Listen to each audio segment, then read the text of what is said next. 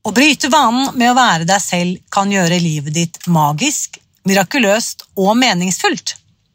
Nå viser Joe Dispenza deg hvordan du kan begynne.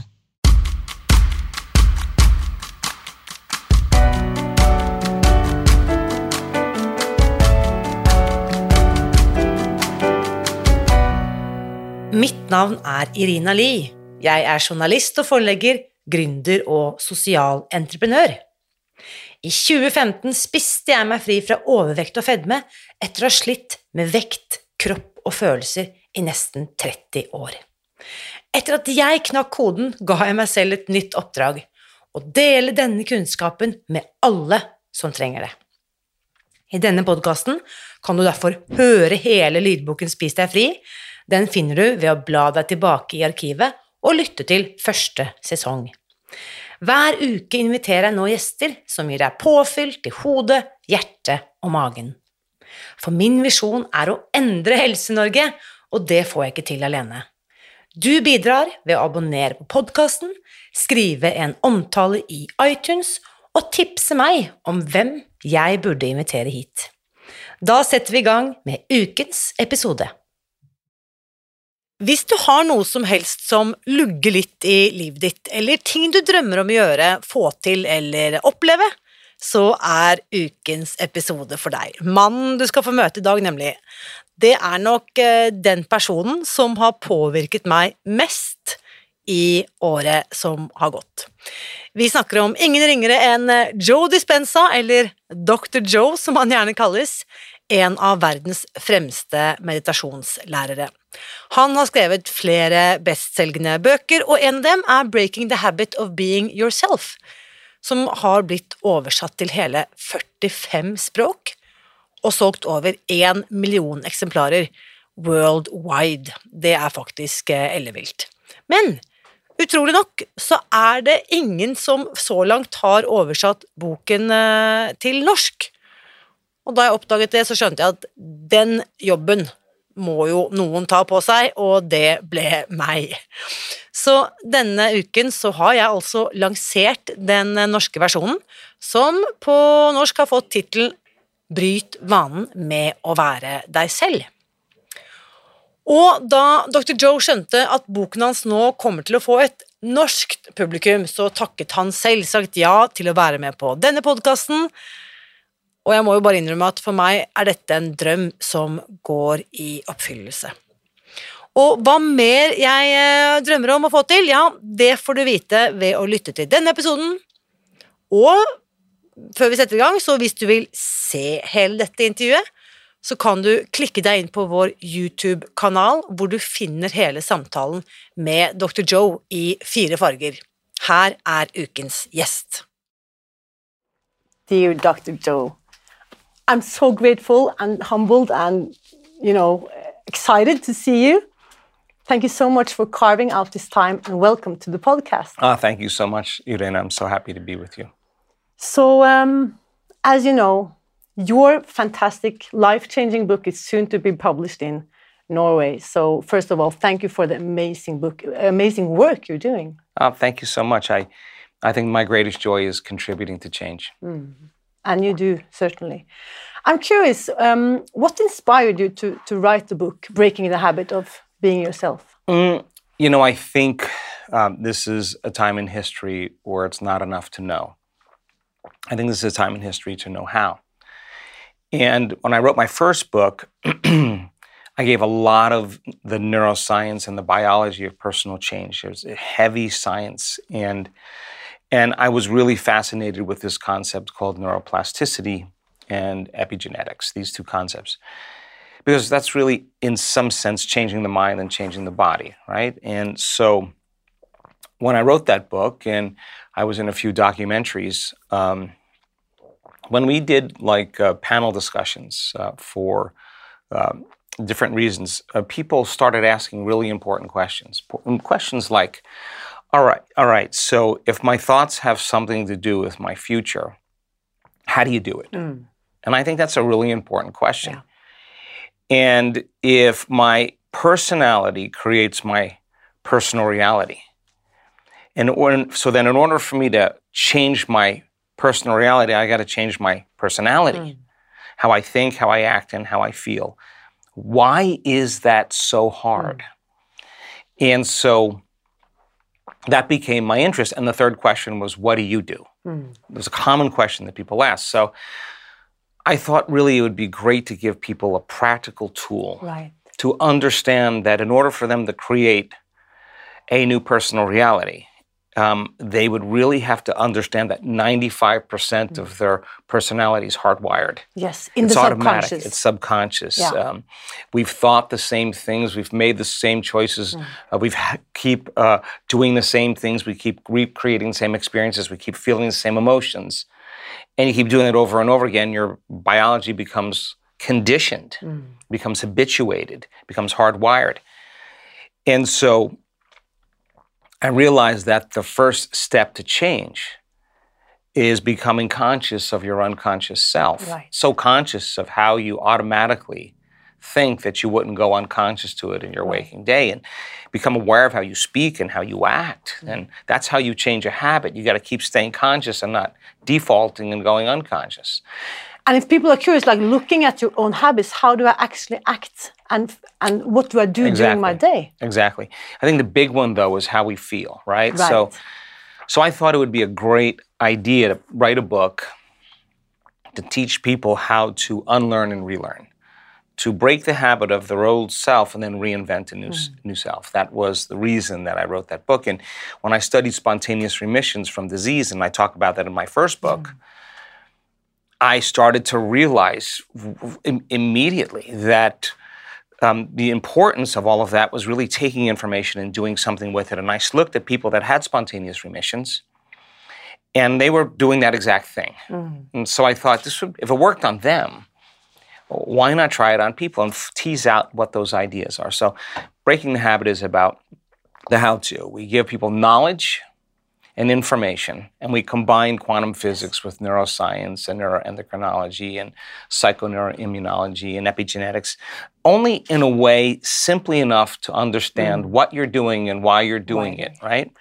And when you understand the what and the why, the how gets easy. So the first half of the book is just combining all those sciences, demystifying what meditation is, talk about what change is, uh, you know, remind people when they default and go unconscious why they do that. Right. And then the second half of the book is okay, so how do you do it? So let's practice the steps and see if you can build this kind of uh, uh, process of change for yourself. Because if you start changing, in any one of those ways, your life should change. And that should be the experiment. So the book is an opportunity for people to, to apply, to personalize, to demonstrate, to initiate knowledge and information, to have a new experience. And that is the most important uh, point, I think, that it's really a how-to book, like a step, a guided step, step by step, on how to change. Yeah, So, so um, I mean, I think like learning anything, whether it's to dance the salsa or to hit a tennis ball or to knit or whatever it is, you got to learn steps, Yes. right? And you get those steps worked out, and then if you keep practicing those steps, the the three steps become one step, Yeah. becomes one move, right? And so we thought that if we could give people step by step, you know, processes, they, they could over time Yeah. uh, make it more more uh, familiar for them. So, of course, the first step would be to go outside and buy this book that is now available very soon in uh, Norwegian bookshelves everywhere. So, also, I have to ask you I have a feeling that parts of this book has to come from like divine downloads. Could you tell me about the writing process? Is, is that. Well, to be really honest, um, it's not my favorite thing in the world to write. Um, yeah, because it really requires me do- focusing on You have written how many books? Like, four books. Four yeah, books? Yeah. Um, no, I mean I'm a pragmatist, and I'm very interested in understanding kind of the science of change, right? And so, so I mean, for me personally, I I I want to I want to ask really important questions, mm. really important questions, and I want to look for those answers. And I think that's really, really important. So I'll ask the question just so that I'm inspired to look for the answer. Now, I also trust my intuition a lot because I've had really profound experiences in my own life in changing myself and seeing my life change and in practicing some of these principles. So um, I, I, through experience, have had unique unknown moments that have caused me to see things differently. Mm. So I try to write both from that scientific perspective and at the same time infer my own personal experience right. from what I know. Because all I can offer people is my greatest understanding of the truth and then numerous opportunities to experience mm. it, right?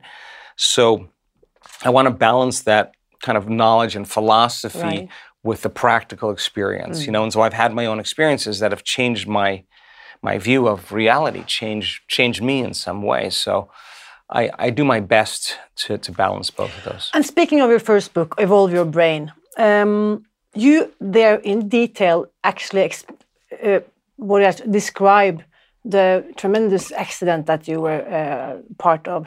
However, I have never heard you speak of it ever since. So I guess that there that's not a coincidence. Could you just like share how come that you so obviously don't talk about? I, I, would I would suggest anyone curious that going by the book, evolve your brain, and they can like because that obviously also was a starting point for much of this work.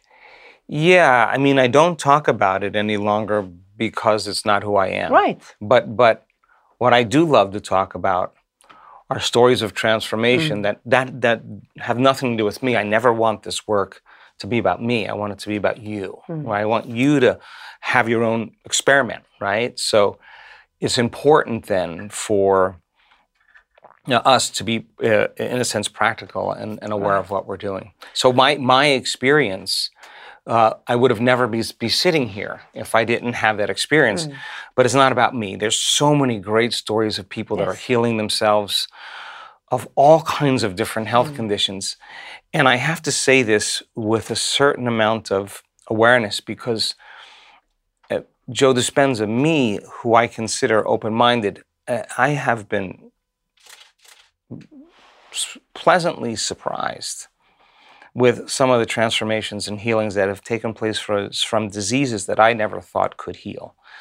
Um, and so it's changed my belief mm. uh, on what's possible. And those stories are more important than me. Those yeah. are the four minute miles. Yeah. And when yeah. you look at that person telling the story, and it's unbelievable. Mm. And they look no different than anybody else. Mm. And you they're speaking truth, right? They're there's nothing like a good story, the allegory. Mm. The person in the audience that's facing a health condition is seeing the example of truth right in front of them. And that gives them permission to believe mm. that it is a possibility yes. for them, right? Mm. And because that person, as the example of truth, is causing the person in the audience to become aware of a possibility that they weren't quite truly aware mm. of because there's evidence. Yeah right in front of them. So I think there's so many wonderful stories of transformation that I think supersede my own personal yeah. experience. And I don't want it to be about me. I want it to be there. there I want it to be mm. enough people that it's undeniably yeah. uh, possible. So it's not one; it's the collective, right? And so I'm I'm one of them, and I've met so many of your students, and I can just like you know confirm what you're saying. It's about your students and the work that they the results that they create for themselves Mm. However, also, I, I, you said this on numerous occasions, like people seem to be almost craving a, a, a, traumatic experience in order to like get the motivation to change. Like they yeah. need the, the, disease, or they need the trauma, or they need the crisis. Why is that? Why is it so hard to change without having that kick in yeah. the in kick in the butt? Well, I think there's a part of us that always knows better. That's right. our conscience, right? And then we stop having a conscience. That that that kind of checkpoint starts to diminish. Um, you know better, but you can't change it, right? Mm. And so, when you change, you're going to be uncomfortable. Mm. So the person is aware that they have to change, but they don't trust the unknown. Mm. They they the the familiar, they don't have the evidence yet. Well, of course, but the familiar feeling that they're living by every day is not going away. Mm. And so they have to be brought to their knees so that they're no longer interested in returning texts.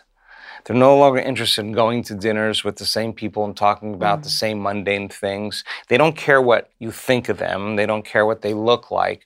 They're not sure of the friends that they have or the relationships. This is a questioning moment.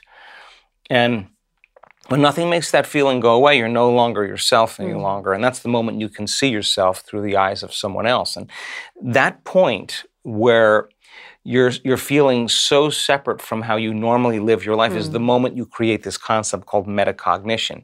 You can begin to objectify your subjective self. You can see mm. how you've been constantly thinking and the memories that you live by and the beliefs that you have you start noticing how you speak, how you act around certain people in certain circumstances. You're noticing that you're spending the majority of your last two years of your life feeling really unworthy and insecure, right? And you start becoming conscious of those unconscious programs. And a lot of times, the human condition is uh, I know it's going to be uncomfortable. I'd rather suffer than take a chance and possibility, right? Then to the point where they finally have the diagnosis or the trauma or the mm. betrayal or whatever it is, you can't go back to business as usual. Yeah. You can't. You, you know. You know you can't go back. You just can't. But you got to go this in mm. another direction, and that's when you start asking bigger questions. Mm. Now, I say you can learn and change in a state of pain and suffering, or you can learn and change in a state of joy or inspiration. So, if you're defined by a vision of the future every day, and you understand how to actually apply some of these principles, and you marry a clear intention, which is- a function of brain coherence, with an elevated emotion, which is a function of heart coherence, and you say, when I finish my inner work, I want to get up feeling like my future has already happened. I want to teach my body emotionally what it feels like to be healthy, to be wealthy, to be mm. free, to be in love, whatever that is. If you start doing that and marrying that thought and that feeling, that image and that emotion, that stimulus and that response, you'll start elevating your state. Now, instead of viewing yourself from the lowest denominator, where you can see yourself, I say, why not hmm. change your state of being every day and maintain it and from that elevated state, still be able to become conscious of the old self? Maintain that modified state of mind and body your entire day as the experiment you should start seeing evidence in your life. There should be some reflection from the universe that matches who you're being. And, and so it's important for people to understand that they can elevate their state and become as conscious of their old personality self instead of hitting that lowest denominator. And I do think really that the hardest part about change is not making the same choice hmm. as you did the day before. And the moment you decide to make a different choice, you're stepping from the known into the unknown and you can't predict it hmm. And that's uncomfortable, right? So people run back to the familiar and they say, This feels better. No, that feels familiar to them. And so, crossing that river of change, there is some kind of neurological, biological, chemical, hormonal, genetic death of the old self. Yeah. So I will share with you. Um, I wanted to show you my notebook. However, my luggage got lost somewhere in Amsterdam, but that's fine. So I went to my f- first uh, workshop with you in Poland earlier this year. So when I came back, I wrote my clear intention with the letter J, standing for Joe. so my clear intention would to be publish your book in Norway invite you as a guest on this podcast. So it's like a pinch me moment, this entire conversation. You're waking up in your dream. Yeah, I am. And the last thing, of course, creating a success, that was the fourth. I know that it's already happening. However, the, the third uh, uh, thing on my list was welcome you, welcoming you on stage in Norway. Ah, Just so you know. okay. Just putting it out there. okay. Uh, that's wonderful. And the elevated emotions that you just described, I would be grateful. I would be proud.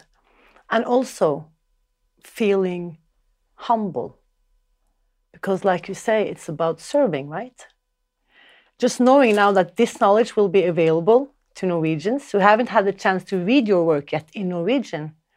It's just like we are just parts of a, such a bigger puzzle.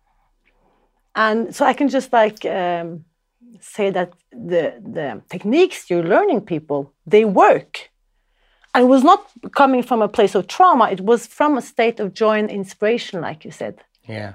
Would that even be possible? It is. We're sitting here. Yeah. I think that um, when you wake up in your dream like Yeah. this and you realize, my God, I created this. And by the way, I, I've I may have seen you, but I've never met you before. I, I mean, the series of events that led this to to this moment were really um, quite unique. So, so I love for a person to realize that they've created an event in their life because they're more prone to get up and do the work Yeah. tomorrow because they'll believe in themselves. And when you believe in yourself, you got to believe in Yeah. possibility. And also, when we have manifested one thing in our life, what's the next opportunity, right? So, when I came to the second uh, workshop with you in, in Cancun earlier this year, I don't know what you did in there, if you had something sprayed in the room or. I had these magical, mystical, energetic uh, experiences. It was, and your sign, uh, um, uh, the scientist, Dr. Hamel, who's uh, who's like doing a lot of, conducting a lot of research on on your work. He compared the experiences that some of us had with like doing drugs. Yeah.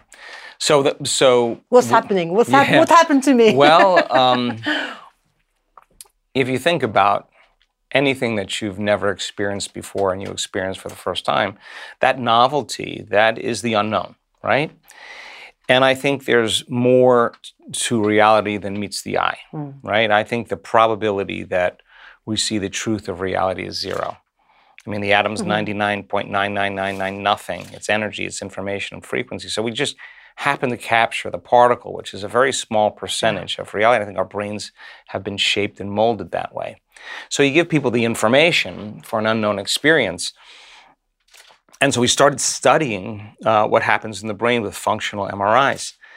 And it turns out that the part of the brain that's always trying to predict the next moment, you know, the default of always trying to lay a known down over an unknown, that our, our uh, students have the ability to shut that system off to such a degree that they could move completely into the present moment. And that's the unexpected. And it turns out when you don't expect anything to happen, the unexpected happens. That's what our brain scans show. So then when we look at the functional imagery of the brain, the person who's having that transcendental moment, their brain looks like they're on psilocybin. It's the same same pattern as if they were taking some exogenous substance to cause them to have a profound experience, but their nervous system's making a pharmacy of chemicals hmm. that's doing the exact same thing endogenously within the body. right. And so the side effect of that, or the interaction of what happens in the brain when that occurs, causes the brain to become less modulated, less compartmentalized. So the brain doesn't really, um, over time, the different networks don't really communicate, or neighborhoods or communities don't really communicate. The brain becomes very modulated or compartmentalized, and the brain fires out of order because of that that when the person's having that transcendental experience, the whole brain starts uh, becoming less modulated and less compartmentalized, more synchronized. So instead of having these individual clusters firing out of order like a lightning storm in the brain, the whole brain is in cadence. The whole brain is in um, high levels of order Right. and there's a, a high amount of coherence that takes place in the person's brain. So the person that's having that unknown experience, it's very somatic.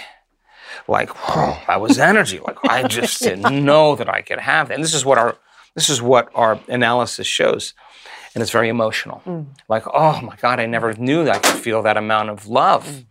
or that amount of joy or that amount of connection or that amount of grace or bliss or ecstasy. Mm. So when we look at the amount of energy that's in the brain in our quantitative analysis with our quantitative EEGs, there is an enormous amount of gamma brainwave patterns in that person's brain. Now, gamma is superconsciousness, but it's not just a change in gamma a little bit. it's an enormous amount of gamma and a very high frequency and very coherent. And when that occurs, the person reports to experience this level of ecstasy, an arousal.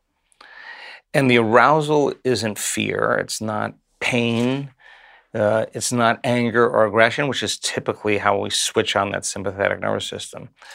The arousal is a connection with mm. energy, it's mm. frequency, and, and that's what happens, mm. right? And so you had an unknown experience that will change you forever, but it didn't come from your interaction with three dimensional reality. Mm. Somehow it came uh, by the way you changed something yeah. within you, right?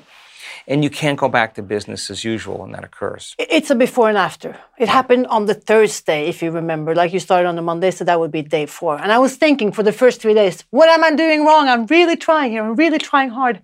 And then at some point, I just decided, like, whatever. I just let go. And yeah. that's when the yeah. mystical, magical wow. Happened. There's a really, I feel like there's just a really delicate balance between intention and surrender. Right.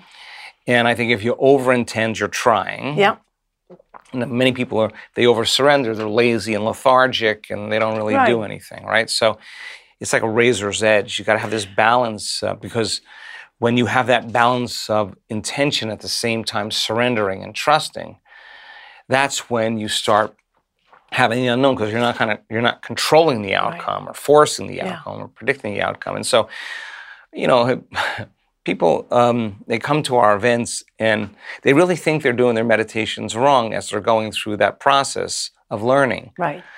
But they're actually doing it right because they're coming up against all the unconscious thoughts the emotions the agitation the frustration the impatience. You cannot have a mystical experience feeling those feelings because those feelings are from known experiences mm. emotionally. So you got to finally get to that point where you get beyond the control and the emotion, and you finally surrender and trust. And, and then we have to lay down everything we've learned our whole entire life mm. to do something greater. And that just takes a little bit of practice. Right. And finally, when you start figuring it out, you, you start having these transcendental experiences. So that's also what when I when I mention um, my own experiences, people say, "Well, would that be available to everyone?" I don't know. What would you say?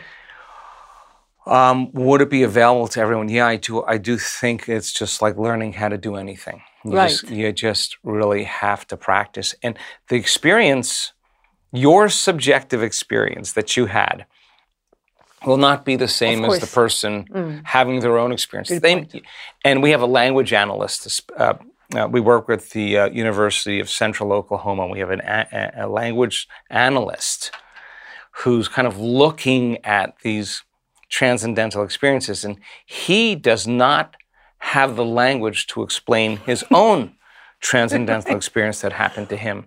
Because all you can do is use metaphors. Right. You can only use analogies. It was like this thing, and but it wasn't like that. It was like this, and you're drawing from knowns. Yeah. In your brain to try to connect to that unknown experience, right? right? And you're preoccupied constantly, well, what the heck happened to me? Yeah. That's exactly what's supposed to happen.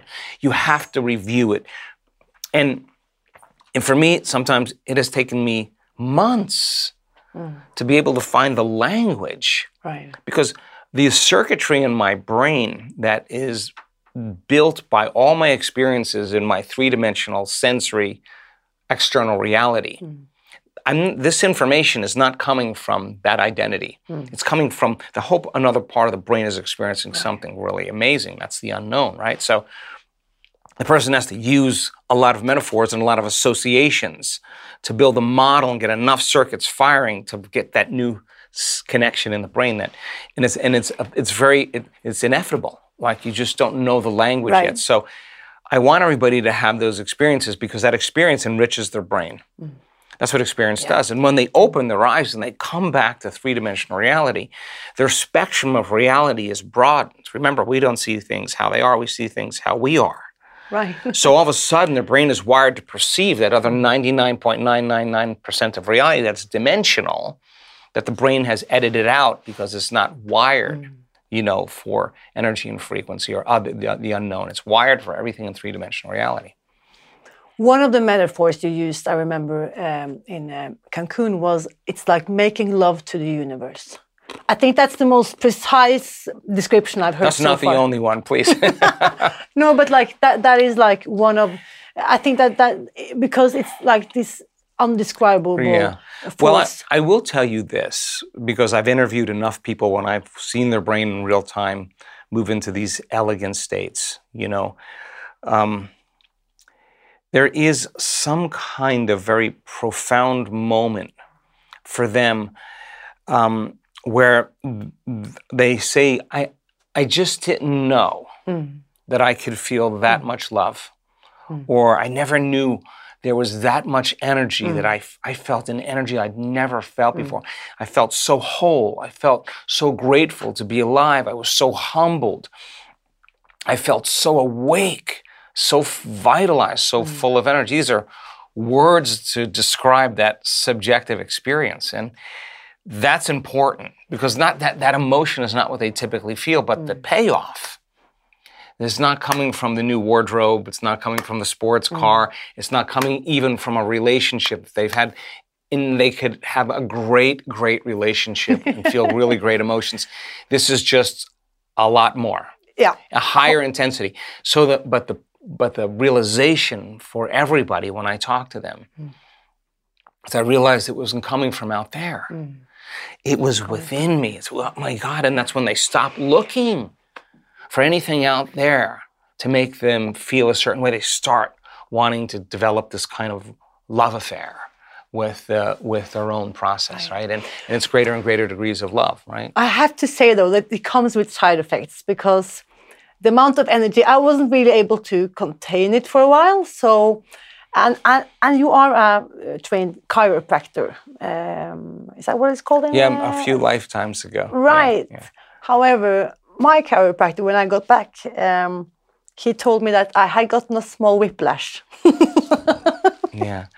um, I, I don't know how. I try to tell people this, and they don't believe me. Um, it's a moving freight train. Right. It's Yes. an enormous amount of energy, and if it's and and I'll, I can speak for myself, or I can speak uh, about enough people who have that experience. You you need a moment to kind of relax into this. This isn't like this is it's a big moment Yeah. and you have to learn how to relax into this very very intense amount of energy and you want it and you don't want it. Yeah. and you got to learn how to relax and it's super intense and it's unknown and then your heart starts racing and then your brain starts going all and this is just a process right, so I tell people it's big, and they're like, "Yeah, yeah, sure." And I um, and I know the moment they have that moment, they stop me in the elevator all the time and say, "I just had no idea that it was that big." And then I just smile at them because I, I want I want them to have that experience. It's the whole reason we do this work. I want them to have that experience. And if the body is processing, the autonomic nervous system is processing very high frequencies. Um, anything that's out of order, structurally, energetically, musculoskeletally, uh, uh, immunologically, uh, the, the energy has to find a path, you know, through the connective tissue, through the spine. You know, it's got to move. And a lot of times it's just, it's finding those areas where there's been trauma, physically, trauma emotionally, trauma chemically that's stored in the body, and it's got to shake it loose. And I, don't- it's it's going to move one way, and we know that all the time. If you kind of ride that wild steed, and you can kind of hang on, it's going to go right to your brain. And when it does, uh, I've seen, I've watched people on the ground have that moment.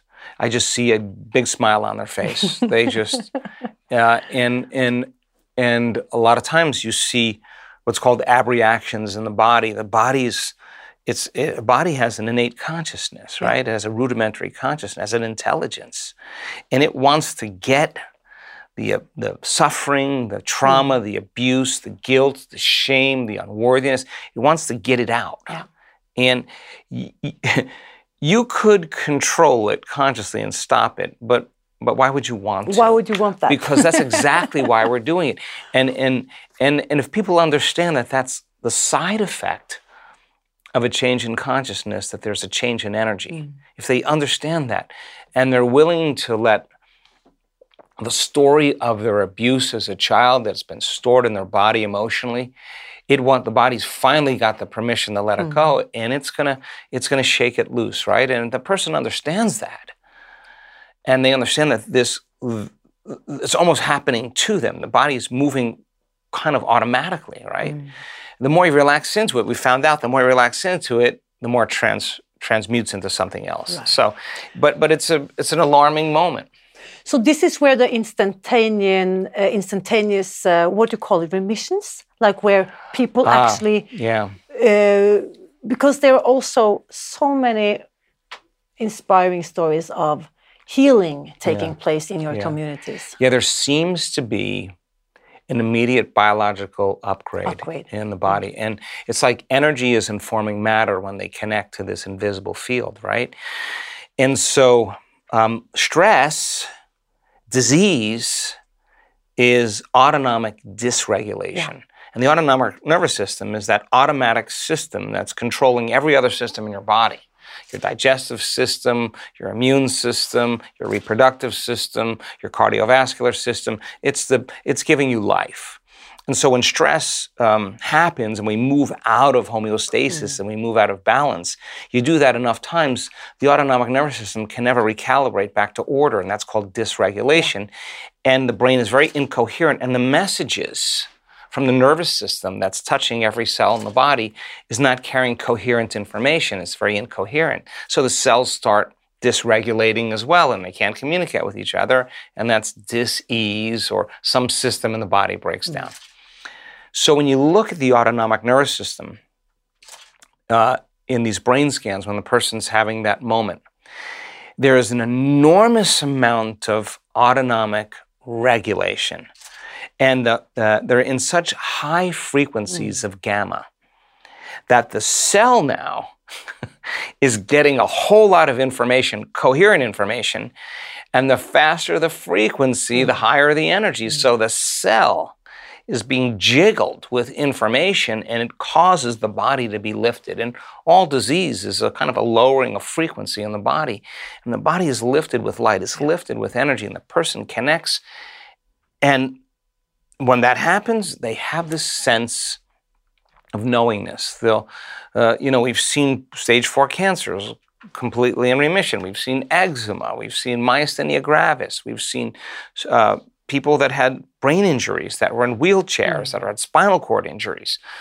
I know this sounds crazy. Blind people seeing somehow they took a bite of wholeness, and the body becomes restored in some way. And and uh, the stories are un, uh, unbelievable because, uh, again, they have a very somatic experience. Like I felt this energy, very emotional feels. I felt an enormous amount of love. And that experience is literally dragging the brain and body out of the past into the present moment. Mm. And the ecstasy, the bliss, the connection, whatever it is, mm. is raising the body into greater levels of frequency, closer to source, closer to pure mm. love. When we take the blood, of the people that have those kind of experiences. There's information in that blood that somehow causes an immunity to very powerful viruses, contemporary viruses. Somehow the cell cannot let the virus in. It mm-hmm. just has an intelligence that's greater than its environment.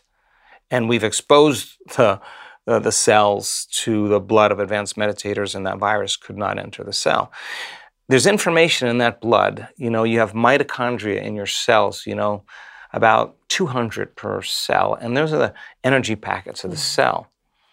And cancer loves to multiply and move. And mm. so when you take the plasma of a person who has this moment and you put it in the presence of all kinds of different cancer cells, it takes the energy, the mitochondrial function in the cancer cell is diminished by 70%. Wow. There's information that in the blood somehow that's anti-carcinogenic, right? Somehow there's a change in the person's microbiome immediately. They're a different person, different microbiome. All the microbiomes that are really healthy tend to flourish. The brain tends to be hmm. more organized afterwards. The heart, the, the volume of love, the hmm. amount of the amplitude of coherence that person is feeling is not a little love. Hmm. It's a lot of love, right? Um, somehow the nervous system uh, manufactures opioids, endogenous opioids that reduce pain and create more relaxation and euphoria. And we see this not in like 10%, not in 20%, but in like the majority of people who do the work. And so many times when we're looking at a scans, 10 scans or 12 scans in real time, we're looking at sometimes half of those people, if not more, are having these elegant moments where their their brain is going into these elevated mm-hmm. states. So then, if you look at half the people that we're measuring, the 10 people, and you look out into the audience, you got to wonder if you extrapolate that number, at least possibly half the people in the room are having some mm-hmm. really profound experience. And so, take all of your attention off of everything physical, mm-hmm. everything known, everything material. Stop narrowing your focus on your problems, on your pain, on the people, objects, and things. Start opening your awareness to energy and frequency. Pay more attention to that and less attention to you. Give people the understanding of what they're doing and why they're doing it. If they keep going after it, and they finally stop saying there's something wrong with me because that's the only thought you got to mm. get beyond. Stop trying to control the mm. outcome. Surrender. Learn how to change your brain waves. Learn the science the information. Trust the process. And linger as pure consciousness, and you're going to run into something really big.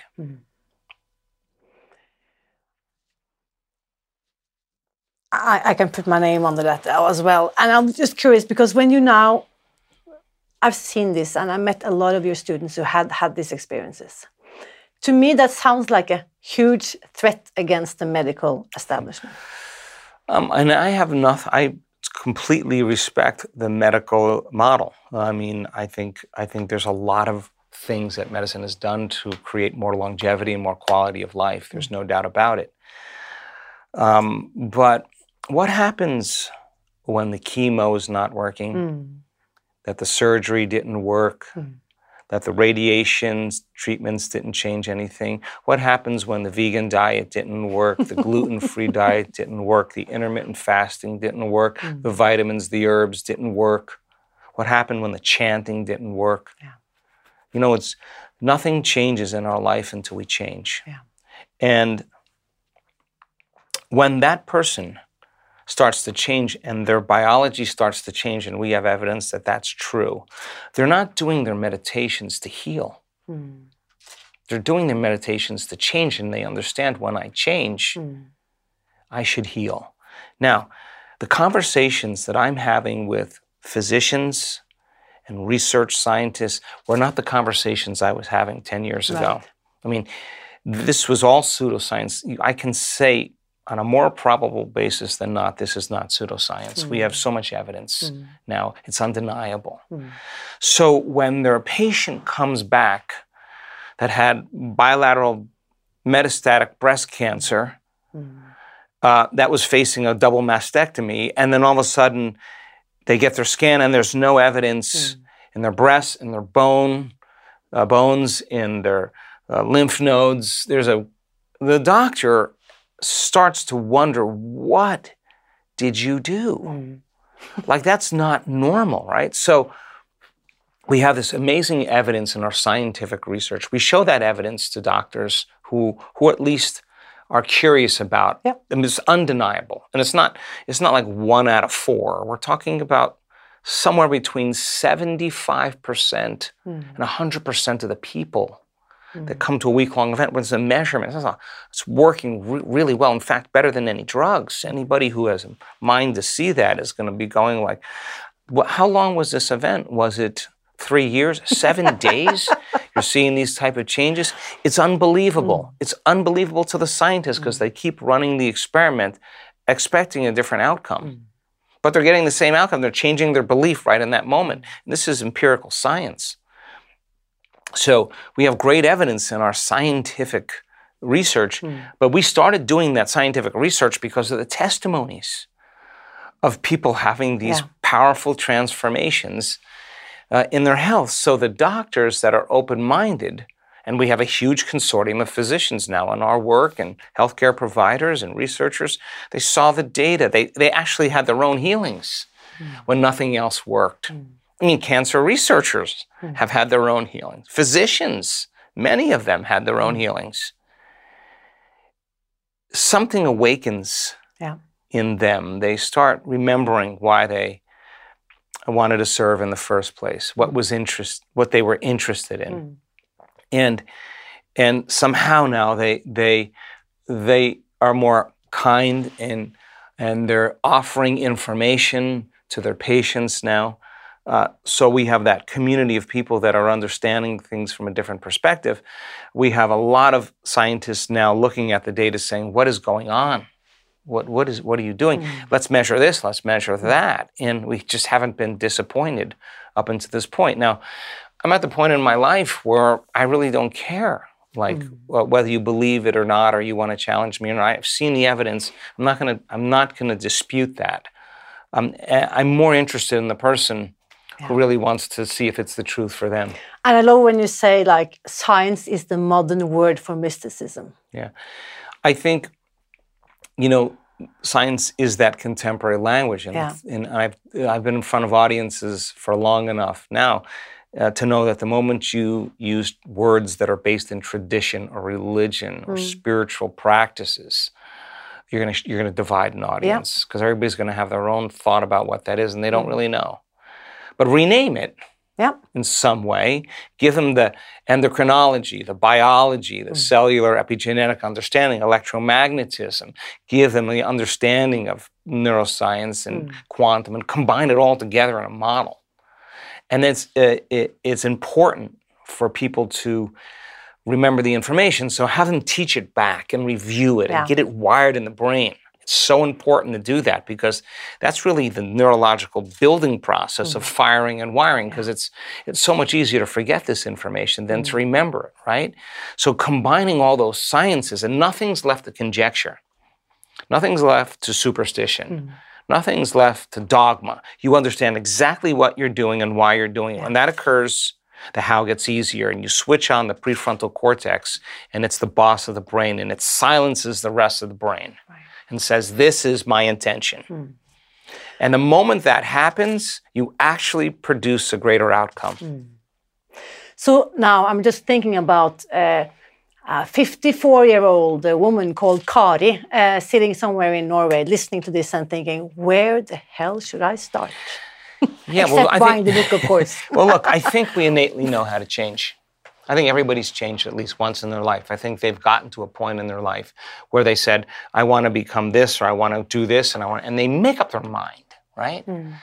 And uh, making up your mind to change is an event when you really, truly are honest with yourself and you make up your mind. So, a great place to start, though, if you truly want to change, and just say, "Okay." Um, if I change myself, will my life change? I think breaking the habit is really a good place for people to start. Why? Because it's a Oh, do you mind? Sorry. Real life interrupts.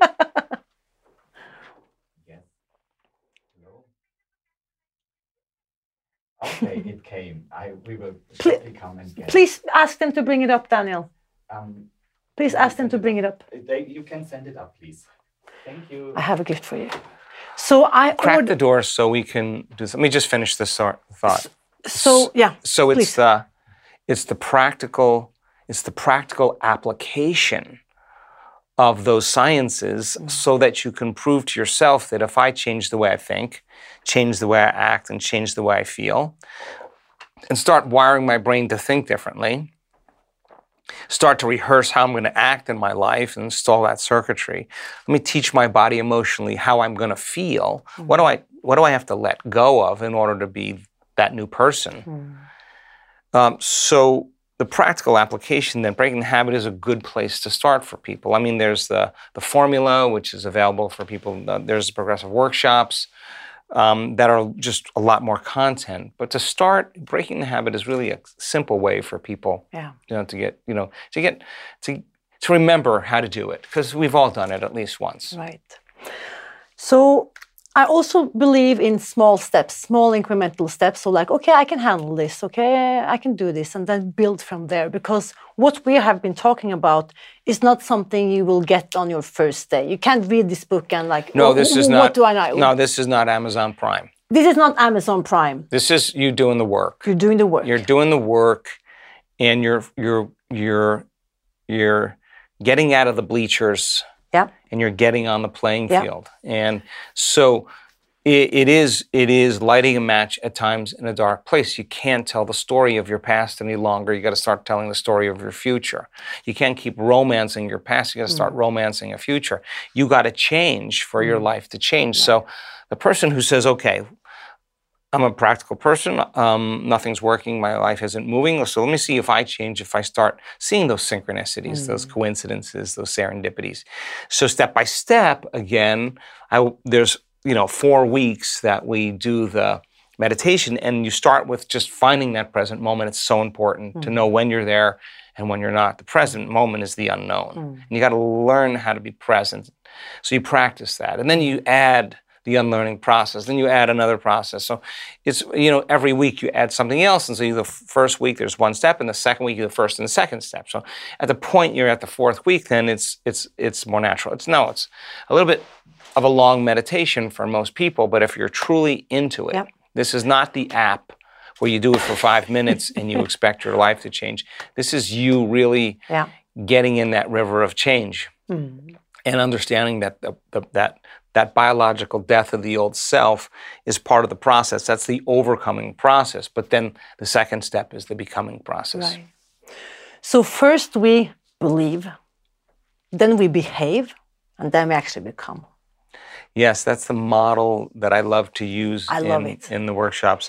You know, I mean, it's taking philosophical, theoretical information and going from philosopher to initiate to master, Yeah. right? From from knowledge to experience to wisdom, from mind to body to soul, from Mm. thinking to doing to being, to learning it with your head, applying it with your hands, knowing it by heart, Mm. to believe in a new possibility, to behave as that person, to ultimately become that person. And the work is about becoming. Yeah. And also, eh, like practically, that includes me sitting down, putting my butt down every morning, putting on my headphones, listening to Dr. Joe, listening to you tell me, like you did this morning, let laughter be your prayer. What an, like as a writer, what a glorious sentence, let laughter be your prayer. I think the divine his I think the divine has an amazing sense of humor. And I think that when people yawn, other people yawn. When other people are happy and laughing, other people are happy and laughing. And our research also shows that people change people. Hmm. And hmm. if you're the example hmm. of how you would love to see the world, you know, you'd have to become that. I think you give people, you know, permission to do the same. And a lot of times a smile or a great mood somehow changes somebody's life. You never And know. it's actually, what do you call it, um, uh, contagious. Yes. And we see that in our week long retreats. You know, just like an infection can spread amongst the community and create disease, in seven days, you see health and wellness become Yeah. as infectious as disease. And that once that person pops through a certain level of consciousness or unconsciousness, and they come on the stage and they're the example and they tell a story, it's not uncommon that by the end of the event, there are numerous people that are having those same experiences. Speaking of um, what's happening at these events, I noticed like on the first day, people were grumpy. Some have been sitting in line for an hour waiting for the room. But at the end of the event, people were so happy. Like, can I give you a hug with total strangers? There must be happening something with the oxytocin levels. Well, yeah, well, that's one element. That's one element. And look, uh, people who are angry with themselves are angry with others. Hmm. People who hate themselves, they'll hate others. Hmm. People who abuse themselves will abuse others. People who judge themselves will judge others. That's just how it is.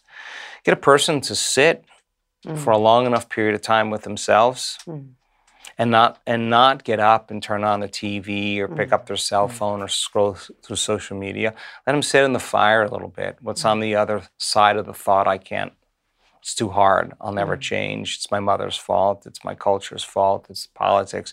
Sit on the other side of wanting to blame and complain and make excuses and not not fall prey to those programs. Sit with that agitation, that impatience, that frustration and keep settling the mm. body back down to the present moment, sooner or later the animal will be conditioned or trained to a new mind. And when that occurs, there's a liberation of energy. And that liberation of energy causes energy to move right into the heart. We've measured this over and over again. And when it makes it to the heart, the heart is the center of wholeness, of oneness. It's the it's the opposites merging. It's the hmm.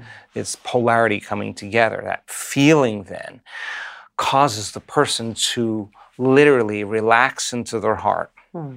And when energy is in the heart, it moves right to the brain. It tends to cause them to awaken in their brain. So then, when that occurs, you feel so amazing, you don't want the moment to end. And so, you're grateful. The person next to you is grateful. Their heart is open. They feel so much joy, so much love. Of course, pro social networks switch on in the brain and we come together, we mm. commune, we mm. connect, we trust, we, we're, the tribe is unifying. It's, that's, that's the mm. side effect. Mm. And we tend to appreciate life a whole lot more. Now, I mm. call that the natural state of being. Now, here's the crazy part. If you look at the genetic expression of what happens in seven days to a community of people, the flock, Yeah. the herd, the tribe, for all different genomes, 2,000, 2,500 different genotypes, every individual with their own genes. At the end of seven days, 77% of the tribe is biologically evolving together. They're s- expressing the same genes and making the same proteins. There's a the, the flock is biologically, and there's a change in consciousness. The emergent consciousness is changing a collective biology. The mm. probability of that happening is mm. insane. Mm. And yet people are changing people. And the more grateful you are, and the more in love with life you are, the more you feel connected emotionally to your future, the more you trust. The, the more you stop controlling. You've overcome that. And so people, I think, are wired to be goodness. There, there's goodness in people. And when, when they're not living in those survival emotions, the stress hormones, where you're so selfish, you're controlling, you're competing, you're fighting, you're working, you're pushing, you're hmm. trying, you're suffering, you're guilty, you're unworthy, you're unhappy, you're, you're victimized, you know. I think I think when you trade those and you overcome those, hmm. there's there's an, there's a, a blossoming that takes place in the individual, hmm. and when energy makes it to the heart, it's not only oxytocin. There's a field around the body. There's energy to the brain. The brain gets super creative. We start resolving problems in our life. It's no longer about us, it's about how we can contribute. Mm. And so you start being more kind and more caring and more loving and more present. And that's who we are when mm. we're not living in, in stress. So I'm going to end on this because you also taught me taught me something that I never actually considered before. You have told me that this present moment is infinite. That I can choose to be here now forever. So, Dr. Joe, um, if you could feel the goosebumps on me right now, uh, it's just a fraction of the gratitude I feel towards your work. So, thank you so much again. Ah, no, it's a privilege to, to be with you, Irina. Thank you. You're welcome. Nå lurer jeg på, hva tenker du etter å ha hørt min samtale med Dr. Joe i dag? Samtalen etter denne episoden fortsetter som vanlig i den åpne Facebook-gruppen Spis deg fri, så bli med over dit og del dine tanker og takeaways etter å ha hørt dette. Og boken Bryt vanen med å være deg selv er altså nå til salgs i alle landets bokhandlere.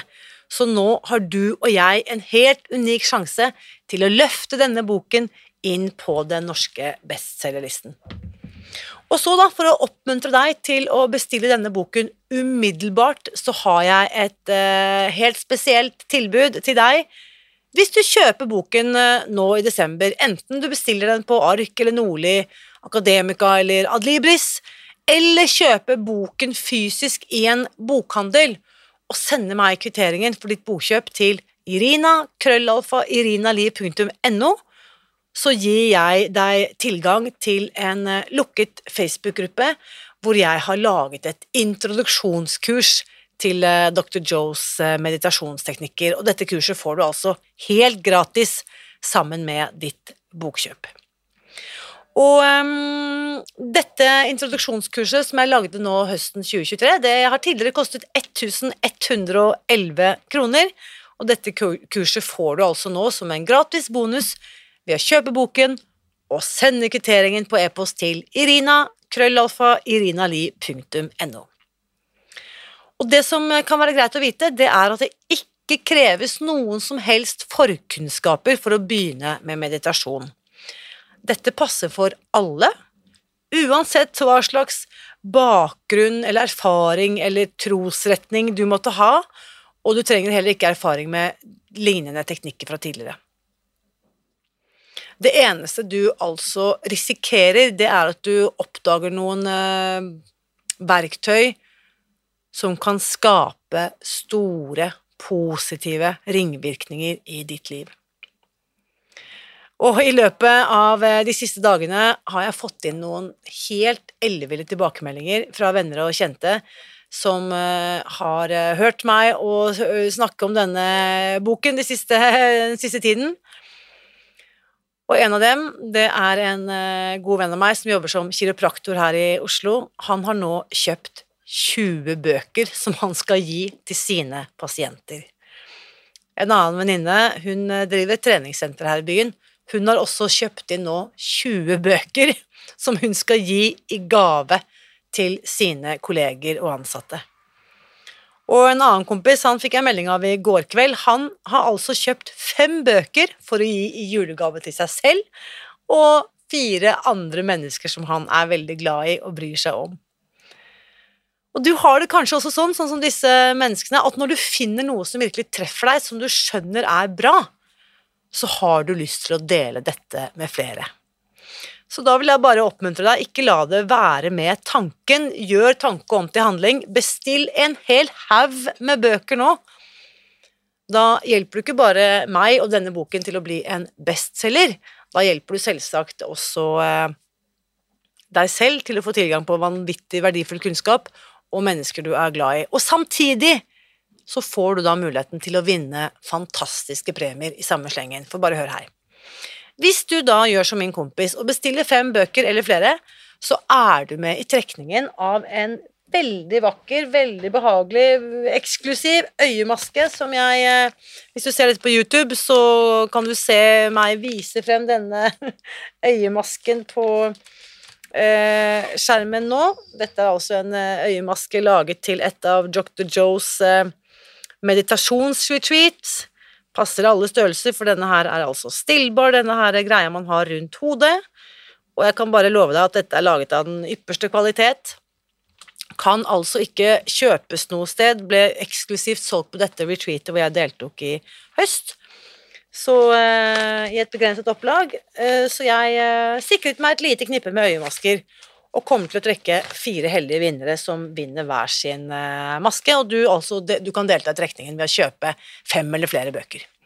Så da bare kjøper du bøkene, og så sender du en kopi av kvitteringen på ditt bokkjøp til Irina, krøllalfa irinali.no, så er du med i trekningen. Og ikke nok med det, hvis du kliner til og bestiller ti eller flere bøker, så er du ikke bare med i trekningen av øyemasker. Da får du også muligheten til å vinne en gratis billett til Joe Dispenza Progressive Retreat, som han skal ha i Basel i Sveits fra 10. til 12. mai neste år. Eh, Dr. Torkel Færøy, som var gjest i forrige ukes podkast, som har skrevet forordet til den norske boken, han har allerede meldt seg på dette retreatet, og det samme har jeg, og jeg vet om flere veldig spennende personer fra Norge som kommer til å reise til Sveits i mai for å få med seg dette, og sist jeg sjekket, så var billettene så å si utsolgt, så jeg antar at uh, eventet Enten er det allerede utsolgt, eller så blir det utsolgt hvert event. Men du kan altså eh, Jeg trekker ut to vinnere som får hver sin billett, og disse billettene har en verdi på over 6000 kroner stykket. Så ditt lodd i denne loddtrekningen får du ved å bestille minst ti eksemplarer av boken Bryt vanen med å være deg selv og sende kvitteringen på e-post til meg på irina-krøllalfa Jeg syns det høres ut som en fantastisk god idé. Da har du sikret deg selv og dine ni nærmeste eh, en fantastisk julegave som kan endre ditt liv for alltid. Og så får du samtidig muligheten til å delta på et uforglemmelig eh, event i Sveits i mai. Så da sier jeg bare løp og kjøp. Jeg vil at denne boken, Bryt vanen med å være deg selv, skal bli en norsk bestselger. Og hvis du også kjenner at det hadde vært litt kult, tenk så gøy hvis en meditasjonsbok kunne blitt en av landets mest solgte bøker. Det kan du bidra til ved å kjøpe denne boken nå. Helt til slutt, husk også at uansett hvilke julegaver du gir til deg selv og andre, så vit at jeg heier på deg. Alltid.